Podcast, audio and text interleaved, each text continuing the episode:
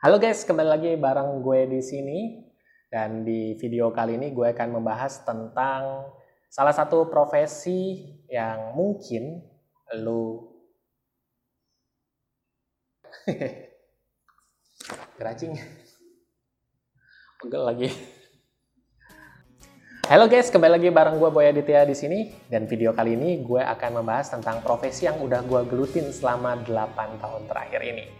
Sebagai informasi, gue bergabung di Radio Dakta Bekasi sejak 2012 lalu sebagai seorang reporter dan pada saat ini gue ditugaskan sementara sebagai penyiar karena wabah COVID-19 yang tidak memungkinkan gue untuk melakukan peliputan di lapangan. Lalu sejak 2015 lalu gue juga membantu di TV milik Ormas Islam terbesar kedua di Indonesia, yakni Muhammadiyah, sebagai presenter berita. Dan di video kali ini gue akan membahas tentang profesi wartawan tersebut.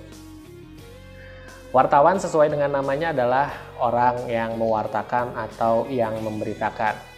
Di mana kita sering mendapatkan informasi-informasi, kita sering mendapatkan berita-berita baik melalui media cetak maupun media uh, online ya sekarang maupun media penyiaran seperti TV dan radio itu adalah andil dari teman-teman seprofesi gue yakni teman-teman wartawan.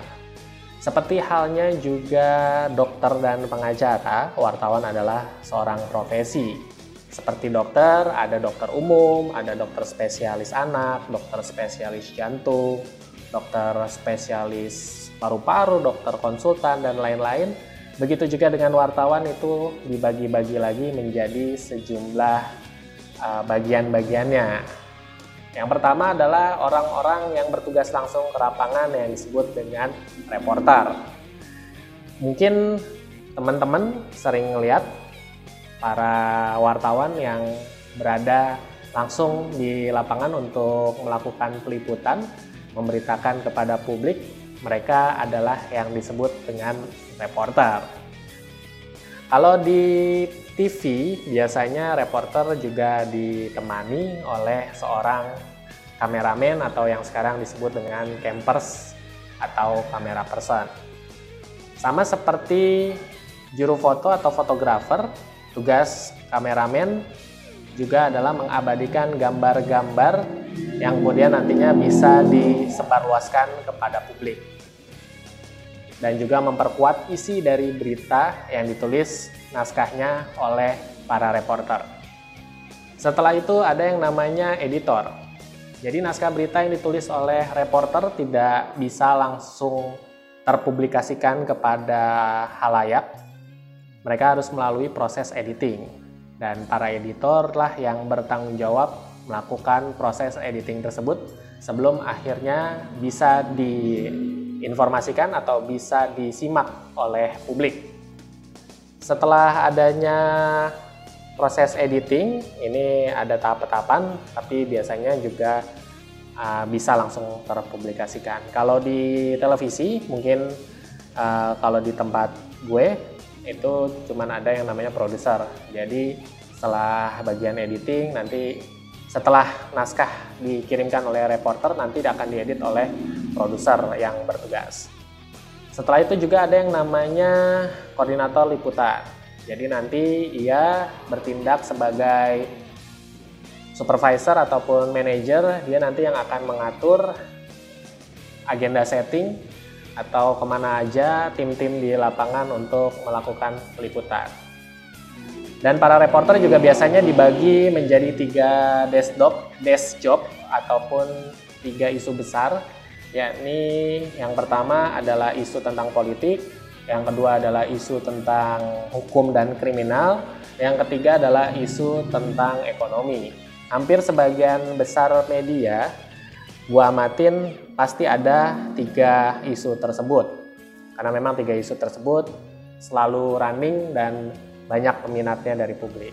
Gue pribadi, gue sejak tahun 2014 lalu lebih banyak berkutat di isu tentang politik. Bukan berarti gue suka dengan politik, enggak. Sama sekali enggak, bahkan gue sama sekali enggak berminat untuk terjun ke politik. Tapi gue merasa bahwa isu politik itu enggak pernah mati. setiap hari pastinya selalu ada hal-hal yang menarik publik ya. Mungkin kalian semua bertanya-tanya apa sih syarat untuk menjadi seorang wartawan? Yang pertama itu syarat yang mutlak adalah lo harus mempunyai rasa ingin tahu yang besar terhadap kepentingan publik, bukan tentang hal-hal yang bersifat pribadi. Kalau lo pengen tahu tentang hal-hal yang bersifat pribadi, nggak usah jadi wartawan, jadi aja tukang gosip, ya.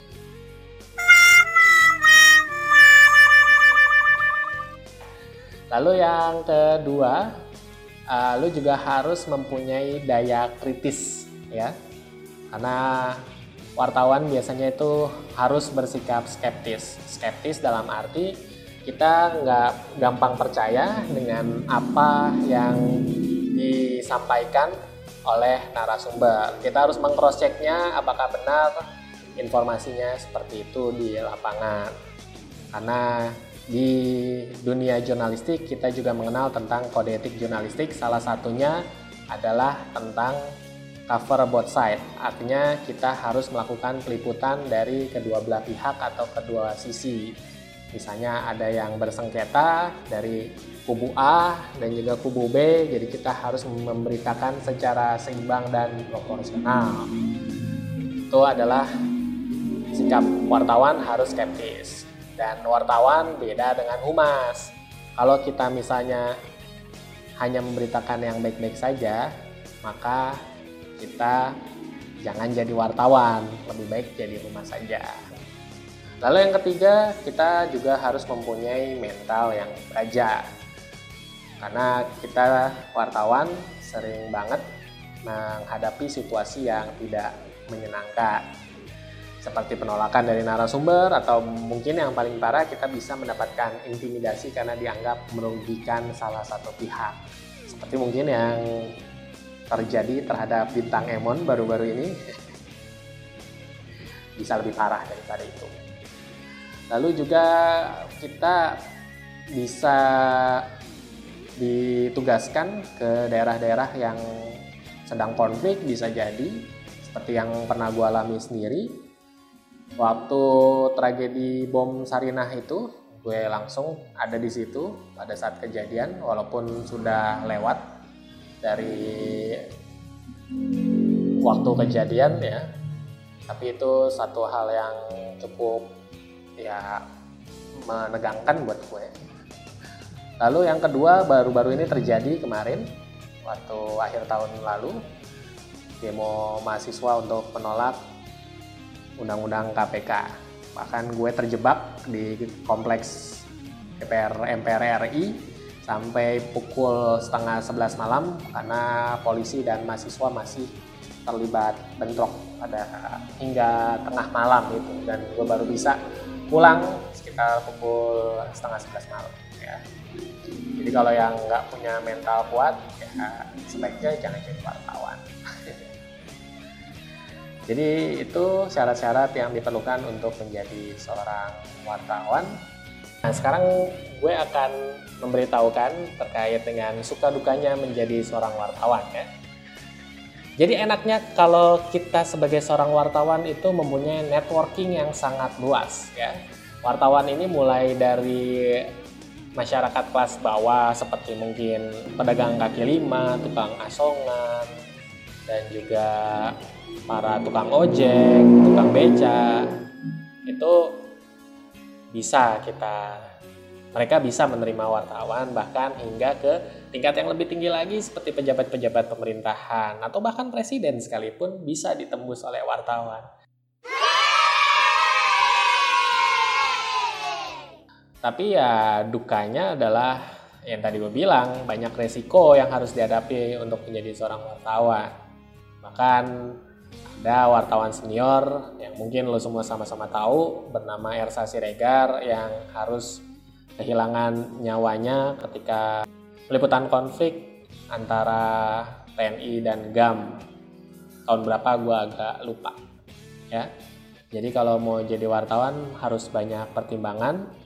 Dan yang pasti kita juga harus mempunyai wawasan yang luas. Oke mungkin itu aja yang ingin gue sampaikan pada hari ini. Dan bagi lo yang mempunyai pertanyaan-pertanyaan, silakan isi di kolom komentar.